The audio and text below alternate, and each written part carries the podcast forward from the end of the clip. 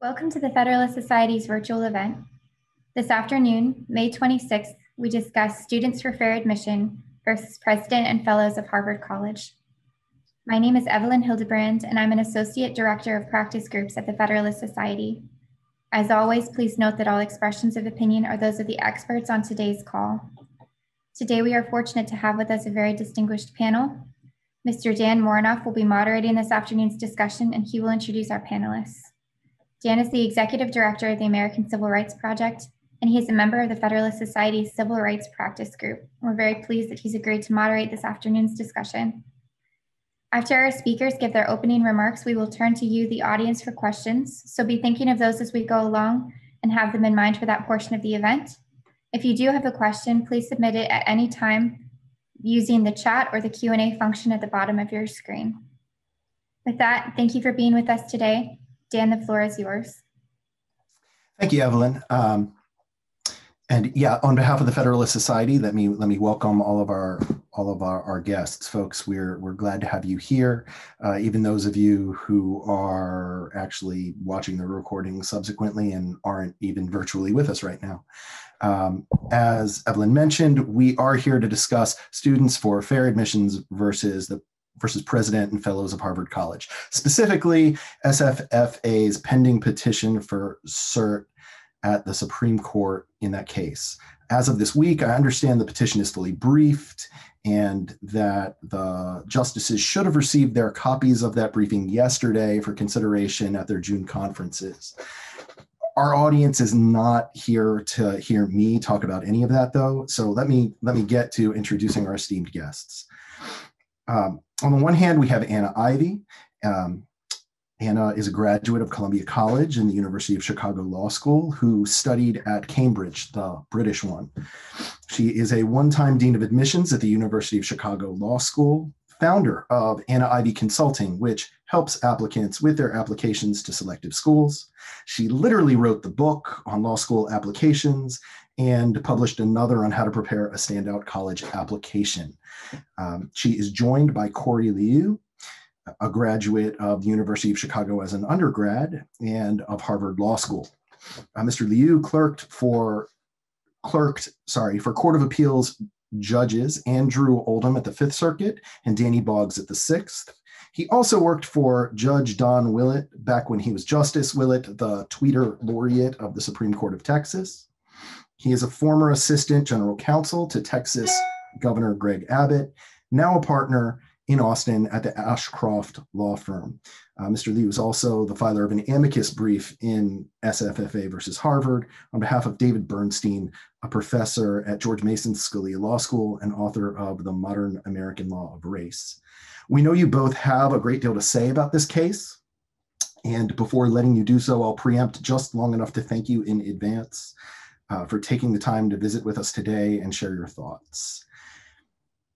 With all of that out of the way, given your backgrounds on these matters, I'm, I'm going to start things up slightly differently than maybe is the norm by asking you, Anna, if you could explain to us what it is that Harvard is actually doing, or at least what it is that Harvard says that Harvard is doing um, in its admissions policies and in its use of race. And once you've had the chance to do so, then I'm going to ask you, Cory, um, to explain the case presented by SFFA's petition for cert. I expect that both of those will probably go about 10 minutes, and then we'll be able to allow each of you to respond to the other, potentially even to uh, discuss the issues raised more humanly. Um, but with that, enough of my yakking. Let it is time to pass the mic to Anna. Thank you for having me, Dan. I love that we have this U Chicago trifecta right here. Go U Chicago. Um, I'm so excited to be here for this important conversation and to learn from the two of you and from our audience as well. And Cory, let me just say from the outset, I know that this case is personal to you um, in a way that I'm a step removed. Um, and so I'm mindful of that. I get to kind of sit here um, without direct involvement. Um, so I, I'm very eager to, to hear your perspective on things. Um, I'm here today to talk mainly about the admissions implications of the Harvard case. While I'm a lawyer by training. I am not an appellate litigator and have never played one on TV. Um, I should also note that I certainly don't speak for Harvard or for Harvard admissions, which is fine because they have very capable spokespeople. But I have been in the universe of higher ed admissions for quite some time. And so naturally, I've been following the lawsuits with some interest. Um, I'd like to start with a short discussion of the status quo so that we can appreciate and the audience can appreciate what might, what the impact might be if the Supreme Court ends up granting cert and ruling against the current practices. when we talk about affirmative action at highly selective colleges like Harvard, they tend to converge around the same practice. They are race conscious in their so called holistic evaluation of applicants, among many other factors that they take into consideration. They do that in pursuit of a diverse student body, which Harvard and many other higher ed institutions institutions in the US consider fundamental to their institutional and educational missions. The word holistic is admissions speak and a bit inside baseball. It also does a lot of heavy lifting in this legal context, and one could even argue that it gives cover in a way that it shouldn't. Um, so that'll be a very interesting um, conversation the first thing to understand about holistic admissions is that it is distinguished from other admissions models, um, particularly the one that is typically called credentials based in the admissions world. Most countries follow a credentials based model. If you went to you know if you want to go to university in Germany or France, you take the Abitur or the Bac at the end of high school, and that largely determines where you go to university and what you are eligible to study there. Admissions off um, officers or officials really um, they do not try to peer into applicants souls through things like personal essays and interviews um, some universities in the uk are closer to the american model but it's fair to generalize by saying that the american holistic model is mostly a model unto itself um, that's the universe of selective colleges in the US, meaning it has a competitive process for a spot where demand for those spots exceeds the spots available. And there are things taken into consideration other than, say, just hard numbers or hard credentials.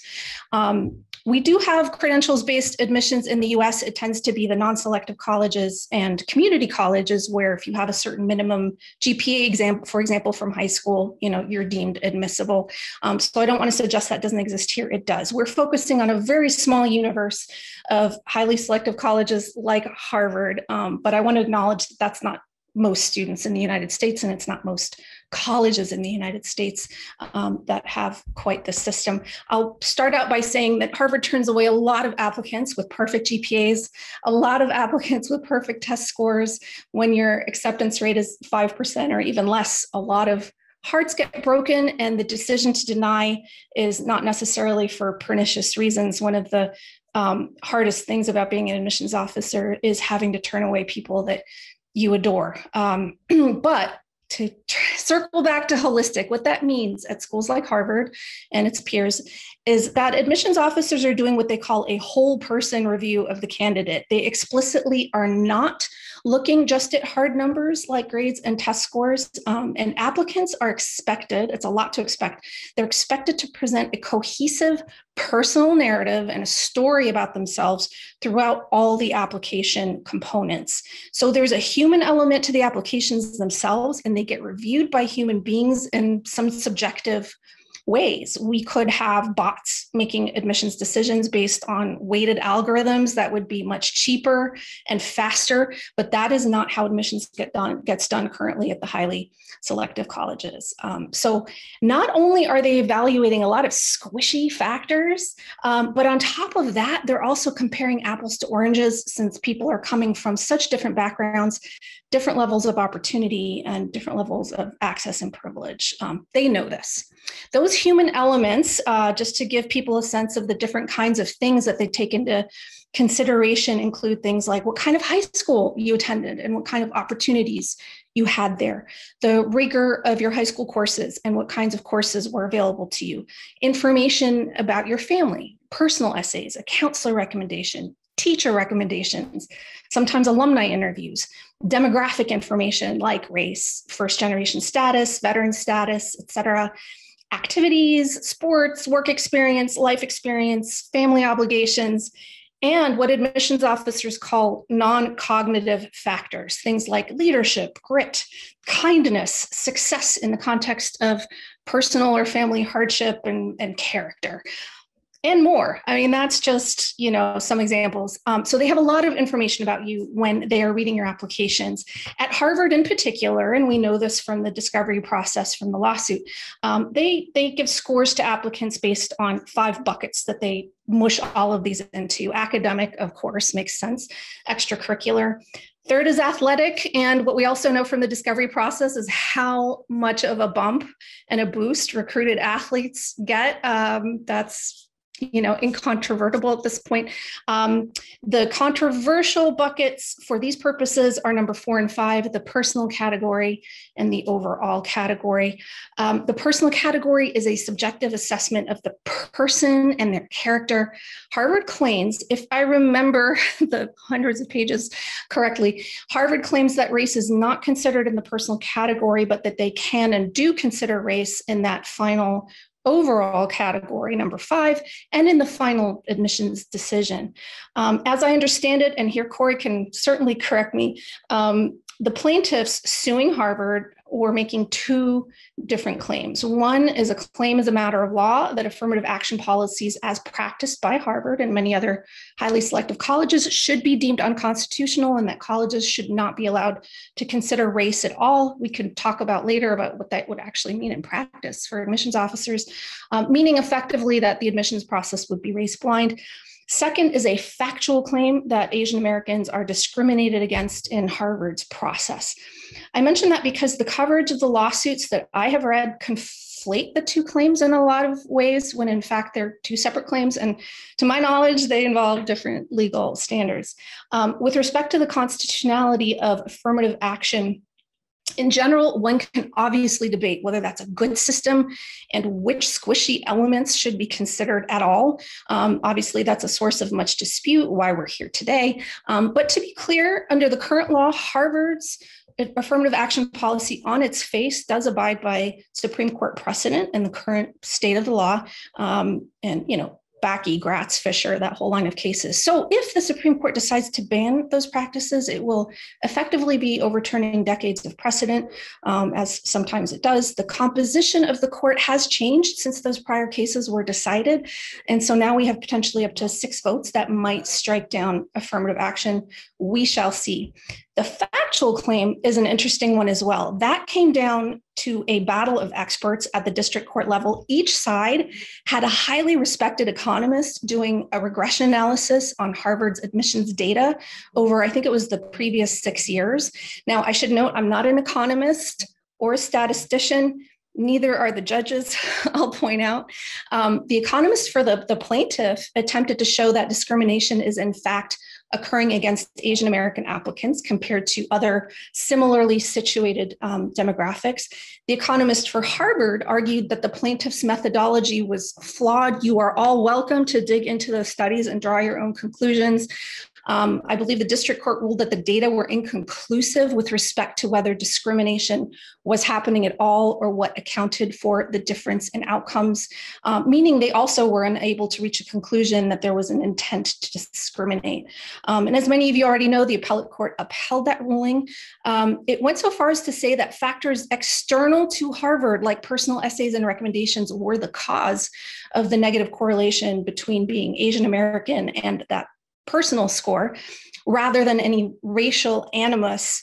I'd love to talk about that later if there's time, because um, you know i think if if that is the case that counselors or teachers who write recommendations or the alumni who conduct the interviews might have implicit bias um, against asian americans then surely the colleges can and should control for that in their evaluations and if they're not shame on them right so we can circle back to that. I think that's a really interesting um, you know thread to pull there the part that is very interesting to me from the admission side is that the plaintiffs i believe cory again you'll correct me um, never argued that affirmative action was working as a penalty against asian american students um, i think they conceded that harvard's preferences for black and latino applicants could not explain a purportedly disproportionate negative effect on Asian Americans. So affirmative action wasn't actually the problem, but as a remedy, they are seeking to have the Supreme Court strike down affirmative action. Let me show you one slide, I promise, just one slide that might make that more concrete for our audience. In particular, just because a college takes race into consideration does not mean it has to work to the detriment of Asian American applicants. So let me pull up my little slide here. Here we go. All right, please give a holler. If you're not seeing that, you should be seeing something labeled the common data set 2019 to 20, which I pulled up. This is a questionnaire that colleges fill out every year. It's a standardized questionnaire. And they actually say, you know, what they consider in the process.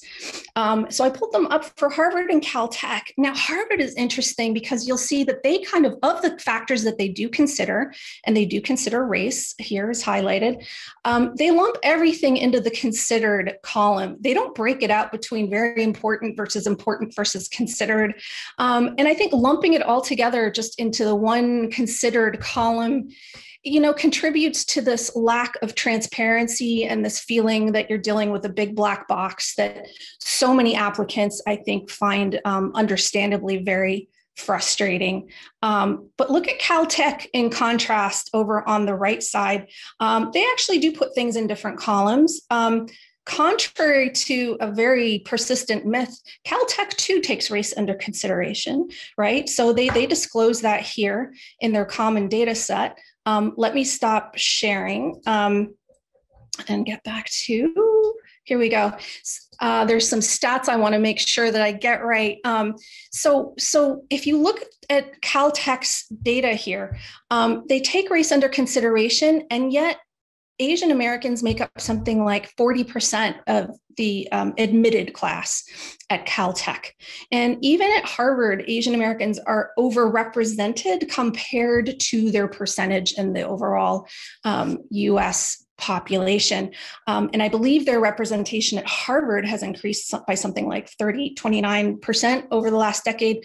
So, if I understand the discrimination claim accurately, it really revolves around the fact that Asian Americans are the least overrepresented demographic among students that Harvard admits, um, because I, I, I would venture that Asian Americans have been benefiting from affirmative action, given those statistics, um, but perhaps just not enough.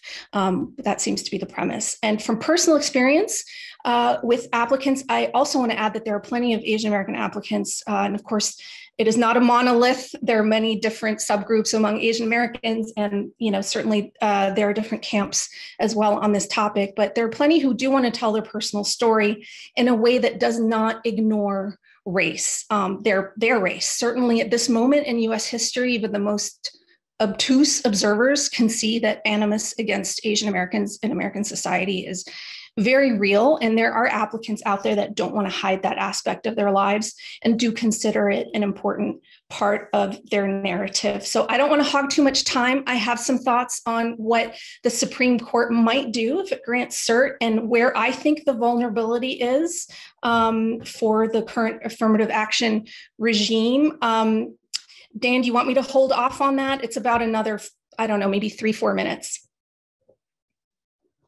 I think we're probably best off letting Cory. Uh, yeah, that's what I figured too. Okay. Okay, well, thank you. Um, and I definitely look forward to having a chance just for us to go back and forth. I'm sure we could ask a lot of really interesting questions to each other.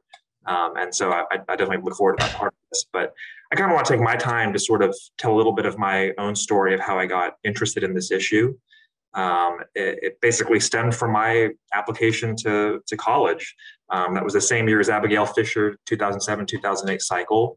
Um, and I had a lot of uh, Asian friends, and we were all going through the process together. And when we hear that um, lofty rhetoric, uh, that part of what Anna described and what you see on the websites of all these different schools about taking into account who you are as an individual, getting to know all aspects of you beyond just the academics, uh, and to get to know the whole person, which is kind of uh, often used as a, as a definition of what holistic means. Um, you know, what does that exactly mean? And, and if race is a factor, um, how does that affect you know someone who's Asian? Um, and a lot of us had this sinking feeling that uh, we were not exactly the objects of sympathy of these university administrators in terms of who they felt deserved extra weight in, in evaluating that student's race.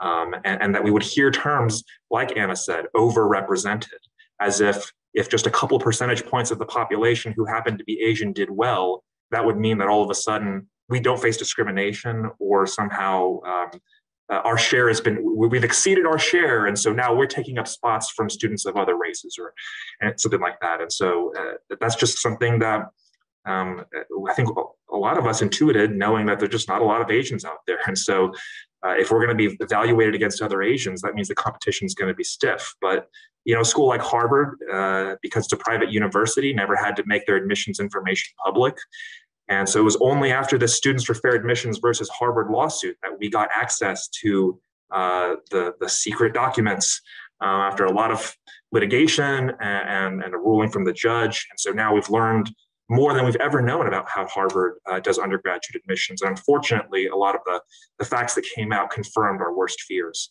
And so I'm just going to do a little screen share and kind of go through the facts probably a little more quickly than um, you would if you were litigating this, but just to give you a flavor of it, because I, I, know some of you may have some familiarity with the case. So this is a, uh, a graphic that I got from the Harvard Crimson. It says the source is court documents submitted by Harvard, but it just shows the average SAT score for students uh, basically broken down by race who were admitted to Harvard. And as you'll see, Asians had the highest SAT scores, whites had the second highest, Hispanic had the third highest, and African American had the fourth highest. And uh, as you see, these results are replicated year after year, right? This goes from 2000 all the way up until the present. And so, what explains why students of different races have different standards for what kind of SAT score it takes to get admitted? And why, why does the racial breakdown just so happen to correlate with uh, the preferences that Harvard um, uses in terms of uh, racial discrimination in its admissions? This is an interesting slide where Harvard actually became aware of accusations that its, discrimin- its admissions policy were discriminatory against Asians, and so they conducted their own internal study of the question. And as you see from the headline, this is also from the Harvard Crimson. Internal Harvard review showed disadvantage for Asian applicants. So basically, what, what it found was that if Harvard looked at academics only, Asians would be about 43% uh, of the students. We can talk more about legacy and athlete uh, preferences later. I disagree with them strongly in terms of I think it's a corrupting influence. And if I were a member of Congress, I would probably strip Harvard's funds for doing this. But we can get into that later. And you see, so, so, so once you have legacy and athletic preferences, you see it goes down to 31% for Asians. And then we look at extracurricular and personal uh, ratings, then it goes down to 26%. So I, I suppose the idea is that Asians have worse extracurricular or personal ratings. And then finally, demographics means explicit consideration of race. And so there you see it goes from 26 to 18%. And there's a table in the complaint in Harvard that basically shows that Asians are about 17 to 18% of the student body at Harvard for several decades. I mean, it's, it's eerily locked in at the exact same percentage year after year. And you can see here the different ways that they weave through it. Now, what, what I want to draw attention to is notice how they lump extracurricular and personal together uh, as if to say uh, it, it's on Asians that maybe they don't they're not so good uh, they're not so well rounded, and so um, uh, that that's why they're they're, num- they're they're not doing as well as their academics would suggest.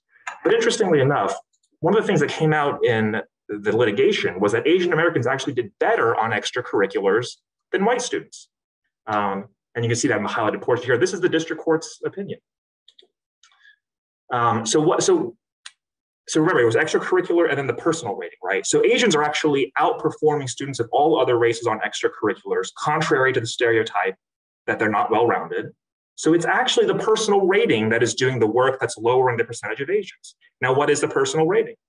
It is an evaluation of personal qualities, the intangibles, things like integrity, helpfulness, courage, kindness, fortitude, empathy, confidence, leadership ability, maturity, and grit all these very squishy, um, very subjective determinations. And so it is because of the personal rating that Asians get penalized so much at that step. Then this is remember this is before the explicit consideration of race, but you know it, it's enough to wipe out all of the strengths on the extracurricular performance and still cause Asians to to suffer the admissions process even more.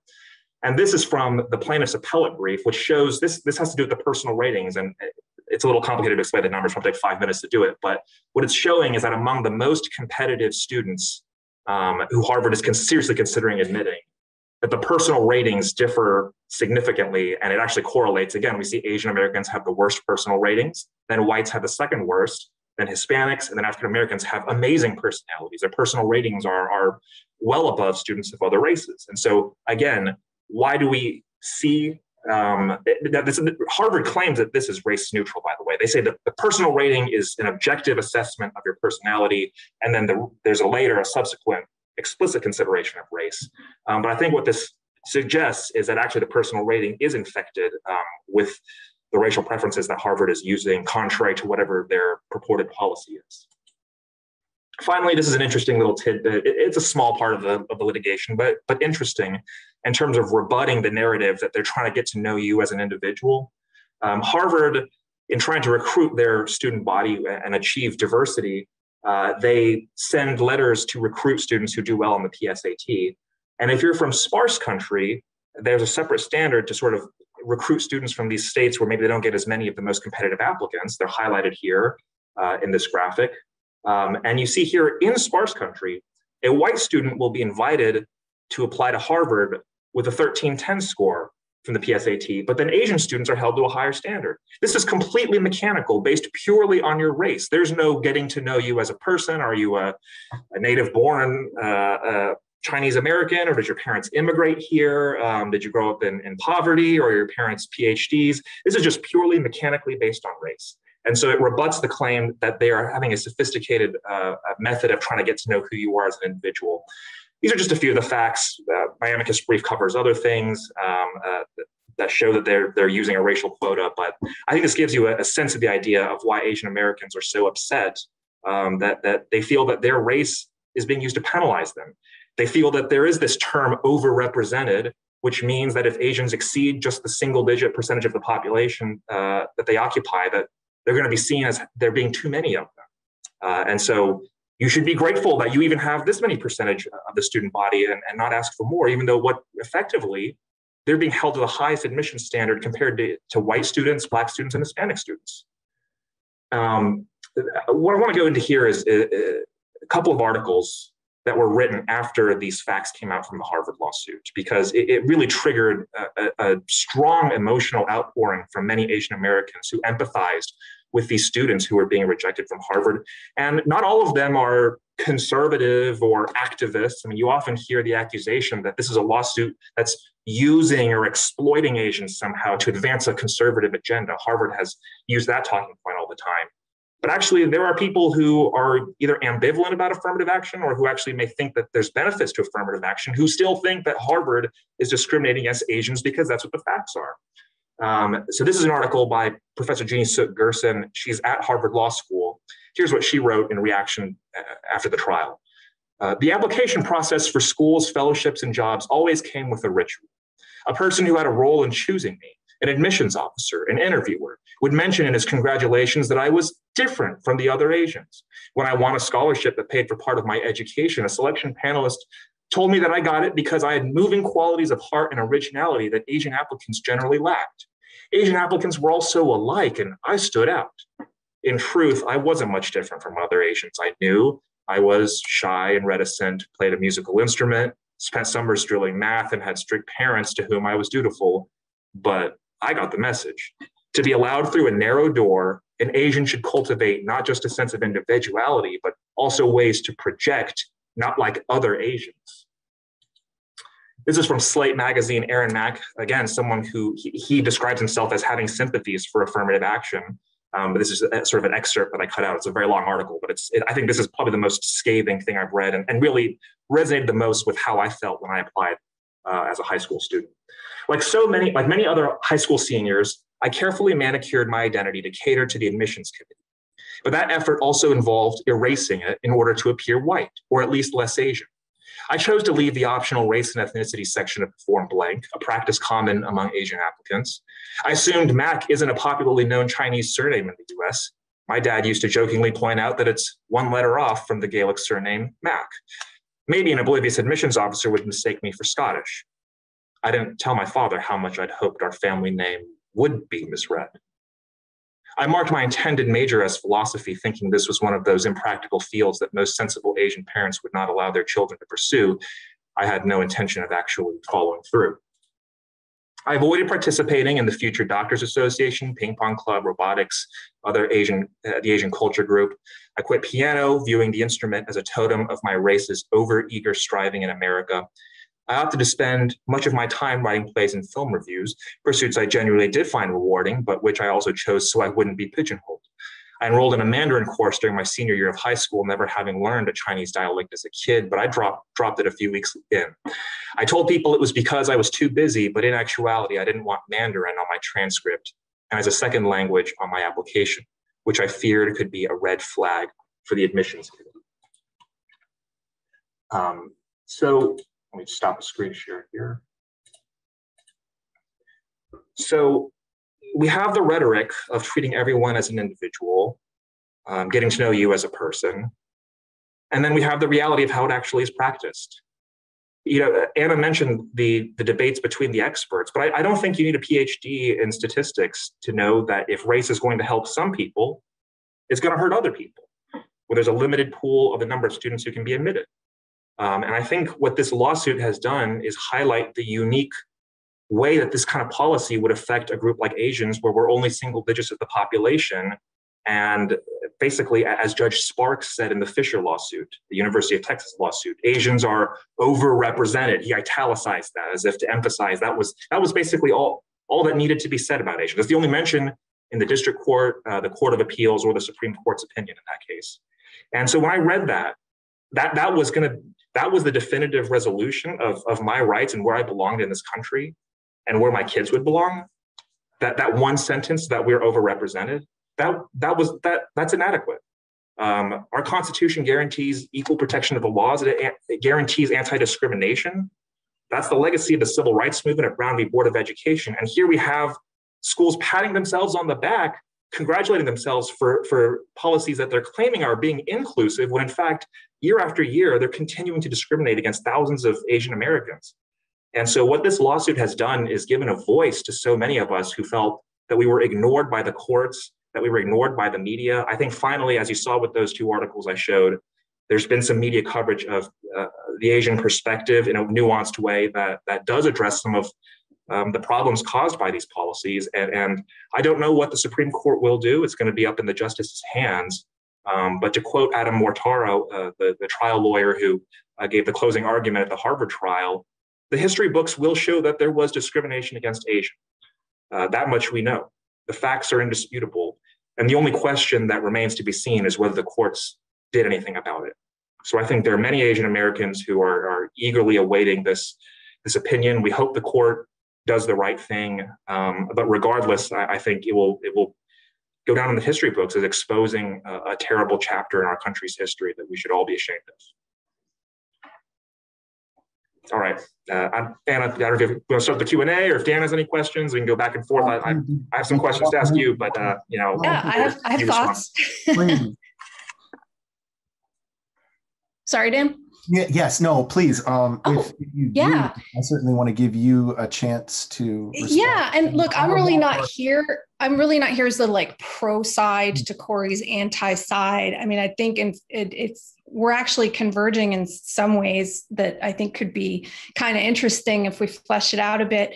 Um, some of the things that jumped out at me from Cory's um, discussion just now is that you know, with the highly selective, AKA highly rejective school like Harvard, um, for some people, there is this huge obligation to stand out, right, and look different. Um, and the thing that I think he's absolutely right about is that that expectation is not applied across the board if you're just uh, you know if you're kind of a wealthy white person um, you know who's strong in sports or whose parents went to harvard you don't look all that different from other legacies and recruited athletes. There is no obligation that you abandon your activities for something else and you know try to be the the flower that sticks up this way instead of that way. Um, and and i think that is um, a very astute observation um, that you know there asian americans do feel that pressure and i can confirm you know that pressure is not applied um, to you know certain certainly plenty of categories within within white applicants. Um, i think i'd like to turn to what um, i think the supreme court might do if they do grant cert and decide they want to um, knock this at least shut down affirmative action. I'll just say on the discrimination side Cory, all due respect, I'm not a litigator in this case, and I have not filed an amicus brief, so I'm not really taking the the advocate's role in that respect. But I do think, by definition, the facts are controvertible. Um, so, you know, I just want to push back a little bit on that. Although I can certainly understand your argument and your position, and I'm not saying it's wrong. Um, on the affirmative action side, the other claim, um, if the Supremes how I like to call them, do take the case. I think the current current affirmative action regime is most vulnerable when it comes to how to define diversity, right? Because it's been deemed a compelling state interest under the Equal Protection Clause, right, by previous compositions of the Supreme Court. but how much diversity is enough diversity right? That that's back to your point cory. You know how how does that get decided? And there's a lot of bodies buried probably right in that system that is not so attractive and that schools might not want us to know about. So you know the supreme court has historically given great deference to universities to make that determination about how much diversity they need and you know um, how much is too much and for what groups. Um, they've defer to the universities, but that's very vague. Um, and so I think that's one um, sort of area of vulnerability. Um, and then, you know, because the previous cases said, you know, over on the non permissible side is something that's mechanical, it's quotas, it's set asides, it's points. Um, what's permissible is a goal, right? Whatever that means, um, where race is quote unquote not decisive. Um, basically, that whole line of cases, I think, has created this holistic system that we've ended up with because in that universe, schools can stay on that side of the line, right? Um, but at the same time, because they can say, look, we point to all these other non quantifiable subjective things, and we're all going to put them in the same category, you know, considered. Um, but that gives them a lot of cover. And that goes back to that lack of transparency that I'm not a huge fan of. Um, and I think, uh, you know, I can understand why people are extremely frustrated with that. Um, so, where's that line between critical mass and quotas? Who knows? You know, and is that a justifiable regime that we live in? You know, maybe not. I think that's a vulnerability. Um, and you know the current permissible model of affirmative action um, you know they have this diversity rationale but it has also not been extended to race-based practices outside of higher education. So there's also a consistency problem. Um, so for example they don't give nearly as much deference to employers. And I defer to the actual current litigators here. I've been out of school for a while, right? But the whole Adarand line of cases, you know, they don't defer to employers when, when employers want diversity, right? They don't give that kind of deference to employers the way they do to universities. And so, you know, I think there are a couple of different spots where um, a court might take a fresh look at this and say, you know, there's a lot that's kind of out of whack here, um, you know, and, and given the new composition position and the way the voting might go, you know, that might be um, what it takes. But let me stop there. Cory, I'm so curious to hear more from you. Sure. Well, I'm, I can give my little speech on the diversity rationale and some legal critiques of it, but I kind of want to just start off by asking, you know, do you think, and I don't, I don't want to get too, you know, answer to whatever degree you feel comfortable, but if, you know, I'm sure some, you have plenty of uh, clients in your college and law school consulting who are Asian, do you ever recommend that they try to be either careful about looking too stereotypically one way or trying to round themselves out by doing certain things that are against the stereotypical Asian model? Because that, that's what I would tell my kids. It's I, I think by the time I started thinking about college admissions, I my you know, but uh, I had most of my high school record already completed. Um, but you know, if, if someone asked me that, I would probably say what what those like those folks in the article said, which is, be careful about doing, you know, piano, math, and wanting to be a pre med or an engineer because that could really box you into a, a, category where they just feel like there's too many people who all look the same. I mean, do, do you think that's a, a, a concern that an, a young Asian would be well advised to think about? We never tell people to pretend to be something they're not or to care about things that they're not genuinely interested in, just in the interests of college, you know, quote unquote.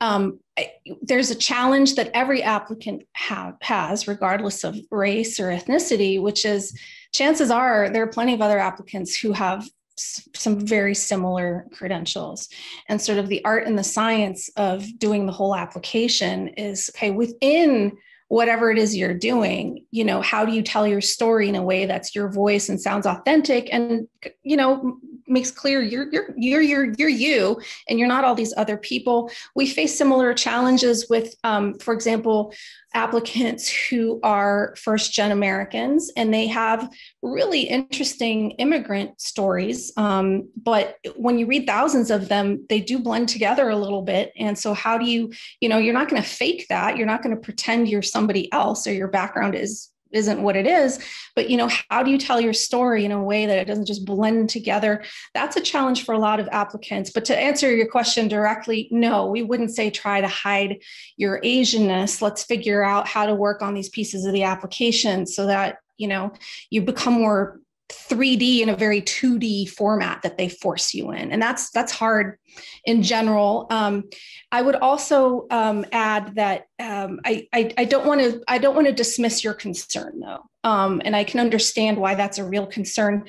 But it, you know, even taking just Harvard as the example, you know, there are plenty of Asians who played violin and you know, um, you know, had certain activities, and and and and so it's not as if these things are somehow you know complete deal breakers. Um, but I, as I say, I'm not insensitive to what an Asian American applicant, which I'm not, obviously, you know, it is not that part is not personal to me, and I, and I get that difference. Um, but I would say, you know, it's not an obvious, uh, immediate deal breaker. Um, but I, I absolutely can understand where that frustration um, comes from, and I think because of the black box of holistic admissions, um, I think you know ultimately nobody ever knows why they got in or didn't you know you can make some conjectures sometimes you know you think okay my guess is x and it's probably pretty solid you know? Um, but ultimately you know you'll actually never know. Um, and so you know i think sometimes people who haven't sat on the admission side of the table um, can sort of assume certain you know oh i must have been denied because I, you know, play violin and I'm Asian American and, you know, I fit the stereotype when maybe that wasn't it, you know? So as I say, especially when they're rejecting so many people, um, you know, it, I think it's hard to um, jump to very specific conclusions about why any one person um, didn't didn't get in, even yeah, well, when they look really really qualified. They turn away lots of qualified people every single year, right? And, and what I want to suggest is that, you know, uh, uh, as in all areas of race discrimination, right, there's rarely a smoking gun, you know, let's say in employment. I'm firing you because of your race, right? That that right. we don't see emails like that. We just have to right. infer from the circumstances, the the treatment, compare it to the treatment of other people, and there's always a it's a fact intensive question. Um, and so uh, you're right. We don't get a written explanation, but we do compare notes, and year after year, and people are sharing yeah. their stories. Um, and so, you know, when I was in high school, one of my classmates who was my friend, he had a perfect SAT, perfect ACT, you know, fam- son of immigrants, you know, their parents didn't have much, but they really sacrificed a lot to, to give him a chance to, you know, stereotypically, unfortunately for him, to be a doctor. And he was great. I mean, great in sciences, um, had a really sweet heart. But boy, I could just see the white admissions readers picking it up, especially at the Ivy League schools, saying, and in fact, you know, there was a, a FOIA request that went to Princeton where certain documents came out where it was basically um, just yet another uh, strong in math, strong in science Asian student, right? Just another one of those. Um, in, in the Harvard case, there's this, there, there's a, this, this standard strong kind of um, uh, note that has been discussed and, and, litigated. But the idea that, well, yeah, we just have a lot of people who fit that profile. So, you know, if, if it was a black student who had a perfect SAT, perfect ACT, and wanted to be a doctor, you know the reaction would be different. I think we all do. And I'm not going to force you to answer the question, but I think we all kind of know that on a gut level. And it was just sad to see that happen to him. And so we don't we don't have we, we don't get the explanation, but I don't think that means we could say that there's no discrimination. I mean, it, just as in each of these police shooting cases, for example, right? The things move fast. There's no explanation of why that happened. You know, in the moment that it happened, we just watch the video and we have to draw our conclusions based on our experiences and, and our, our pasts. And so I think a lot of Asian Americans do feel the process is unfair. Uh, I guess I'll just say a little bit more in response to the diversity point. I, it, it's interesting. I, I, I, found in my discussions with various people that um, nobody really believes the diversity rationale is the primary motivator for the policy. Um, and that, and like you said, it's an amorphous concept. I, I did a talk at UT um, the University of Texas Law School with Professor Sanford Levinson, and he's critiqued the diversity rationale as saying that it's inherently arbitrary because there's so many factors that make us different and unique that you're going to have to inevitably pick a few that get priority and others that get ignored. His example yeah. was he would like to see more Muslim students, and they, that's not really prioritized. So what you end up having is a hierarchy of what you call a hierarchy of victimhood, hierarchy of oppression, or, or preferences, or whatever word you want to use and uh, as some of those graphics that I showed, uh, it's, it's very quantifiable, the extent to which um, those preferences can be compared to each other. And, and that's uh, an unfortunate part of it. And I think yeah, I also had a discussion with Professor Randall Kennedy from Harvard.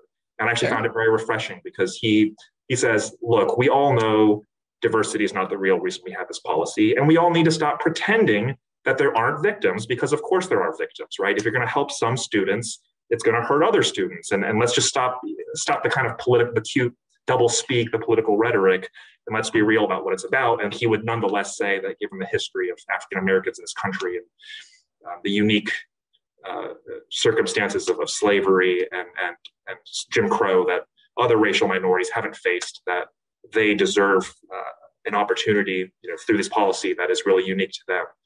Um, and so I think at least I find with him, I, am able to have a frank conversation about what's going on. But I think what is unfortunate about where the Supreme Court went in a ultimately a, a compromise opinion that was internally self-contradictory at Grutter was this diversity rationale. Justice O'Connor even said, "Well, I think it's okay today, but not 25 years from now." So yeah, that was really later a bit of a cheat. So, yeah.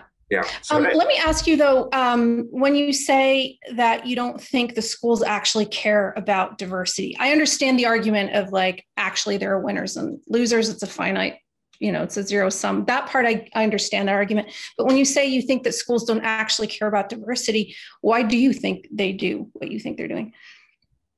Is it uh, animus? Think, like, what what is it?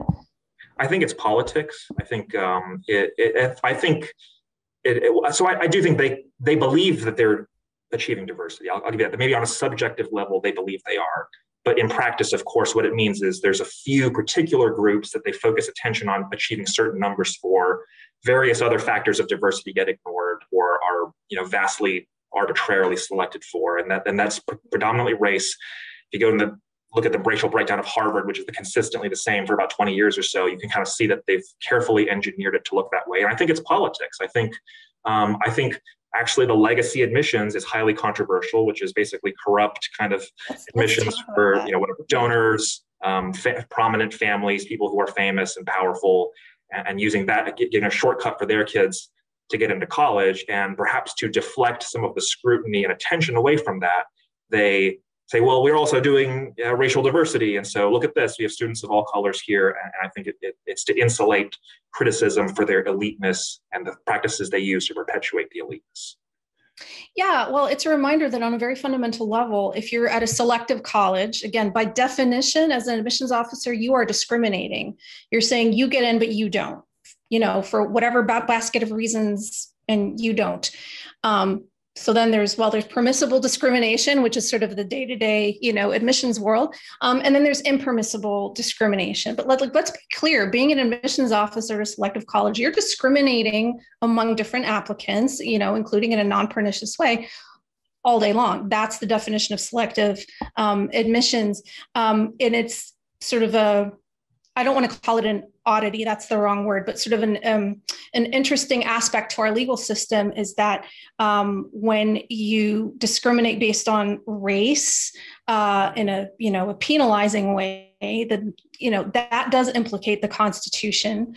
Um, if you discriminate based on sports ability or legacy status, that's not obviously implicating the Constitution, right? We don't have language in the Constitution about legacies and, and recruited athletes. And, and you're right, you know, one of the things that came out of that big data dump from the discovery process was to get some hard numbers around legacy admissions and recruited athletes and also um, people that are, you know, donors. Um, and it, it is something that we all knew anecdotally, like we knew this was happening. We knew this was a practice in a strong preference, but it's another thing to see the cold hard data. So I imagine we have, we have you personally to thank to thank for that. Um, and and I don't disagree with you in the slightest. I think the role of um, sports to this degree um, and and legacy admissions is totally corrupting of of the mission. And if they really care about their educational missions um, why don't they care more about what what, what it's doing um, on that side of things? And i get it. I've also worked in development at stanford. You know i know how this sausage gets made. I understand that um, know certainly on the legacy side you know this is very much a revenue driven um, consideration. But it really, I think, puts to bed any fiction that admissions to these high, highly selective colleges is some kind of meritocracy. Like that is dead in the water, right? Um, and the idea that, oh, because you got into Harvard means, you know, you're some kind of academic superstar. Yeah, yeah well, you know, it's just that cliche is now just blown out of the water. Um, I also want to point out that, and and um, you might have strong feelings about this as well. Um, you know part of the part of the issue too is that when we talk about overrepresentation or underrepresentation and i agree those are fraught terms um, you know all these forms and and the, the the sort of data analysis tends to lump asian americans together when in fact um, I believe, for example, um, Southeast Asians are actually underrepresented, right? For example, um, Filipinos are underrepresented. Uh, you know, you you you parse it out a little bit, and you realize you really shouldn't be talking about Asian Americans as, as one giant category. I mean, that's just silly. One of the things from when I was an admissions officer, and I still see it now in all the applications, you know, when there are those drop downs in the applications where you categorize your race and it's optional but you know it's there. Um, they use the categories from the department of education and i have so many beefs with the taxonomy um, so many not just for asian americans. Um, the way they define latino in some ways is makes no sense at all. Um, it, it gets it gets really silly and then the schools add their own layer. Um, and so you know for example some schools will say well if you're from um, North Africa, um, you count as white. Well, I promise you, someone who's from North Africa doesn't consider themselves white and actually finds that a bit offensive that they're being lumped together with white. I mean, if I could briefly so mention, yeah, yeah. My, my, my amicus brief with Professor Bernstein makes that exact point, which is that where did these racial categories come from? The answer is actually, according to his article, basically some bureaucrats in the 70s realized they wanted to standardize the categories. Yeah, and it's a garbage taxonomy. It's a garbage taxonomy. I, which I, is which is what make, amplifies the tragedy that that's being yeah. used to discriminate against a whole group. And actually, our brief also points out to various points in the record where they don't differentiate among Asians. They actually just look at the raw number of Asians overall. Yeah. And so I, I think those are all uh, criticisms that reinforce the arbitrariness of what they're doing. It, it, to be narrowly tailored um, it, you have to justify the categories you're even using. Why do these particular yeah. categories promote educational diversity? And, and finally, uh, that's what I'm emphasize one point, which is that because these racial categories are arbitrary, I, I don't think they should ever be used in admissions. But I do think um, schools can legitimately and certainly lawfully um, consider socioeconomic factors, um, your, your, the family you grew up in, um, things like that, that are race blind because uh, the truth is race is not a perfect proxy for disadvantage and i think there's other factors you can look at that more accurately describe whether someone's advantaged or disadvantaged. Um, and so that, that's why i think it's a, that's why i think the focus on, on race is a political yeah. thing rather than a genuine attempt to um, bring advantage to people who are disadvantaged Well, I think that was the old rationale for affirmative action. I don't think it is now. But Dan, Cory, can I just ask you a really practical question because this actually does play out in real life? Um, if you are race blind or you're race conscious and you just kind of get your yield wrong, which is a whole thing for admissions officers. Um, say you've got an incoming class and there's one black person. Do you think that's the right outcome? Uh, I think. Or do you think that's a problem? I would and this say that actually happened at Berkeley Law School. It actually happened at U Chicago Law School um, as well at one point. Um, you know, is is do you find would you find that troubling, and is that a, is that outcome okay? And I don't ask that rhetorically. Like, it's is is that something that you think like yes, that's the right outcome if it's race blind in the process? Yeah, I I think we will never achieve utopian um, proportional representation in all fields. It will never be the case, for example, that Asians are six percent of every single field. There will be some fields where they're overrepresented, some fields where they're underrepresented, because it would it would take uh, communist level forced uh, a planned economy to achieve picture perfect representation in every single field. So I think that's an unrealistic standard to go by. To the extent um, you know we we're concerned about provide making sure that these institutions of power are actually accessible to people of all backgrounds. I think it, it's good to make sure that we do have inclusivity and accessibility. I think where I would not, where I would draw the line is at quotas. And so I think um, right. trying to focus you, on improving. that, so if I understand you correctly, that oh, that outcome is okay. It might not be ideal, but you're okay with that scenario. Um, I, I think it's it's possible that you know, if that if it's the outcome of a fair process in uh, in that the, the applicant was not limited to that that percentage of the student body because of their race. Um, and I think the question would be we need to ask the question why? Why were the X, Y, and Z students not accepted? Was it because of their academic performances? Was it because of what other factors? And look, it, are they legitimate or not legitimate factors? Right. So if it was purely on academics and that resulted in a particular racial breakdown, then the question would be are we okay with students of a certain race having lower LSATs or SATs? And then we'd have to look at the, whether the test is a good test.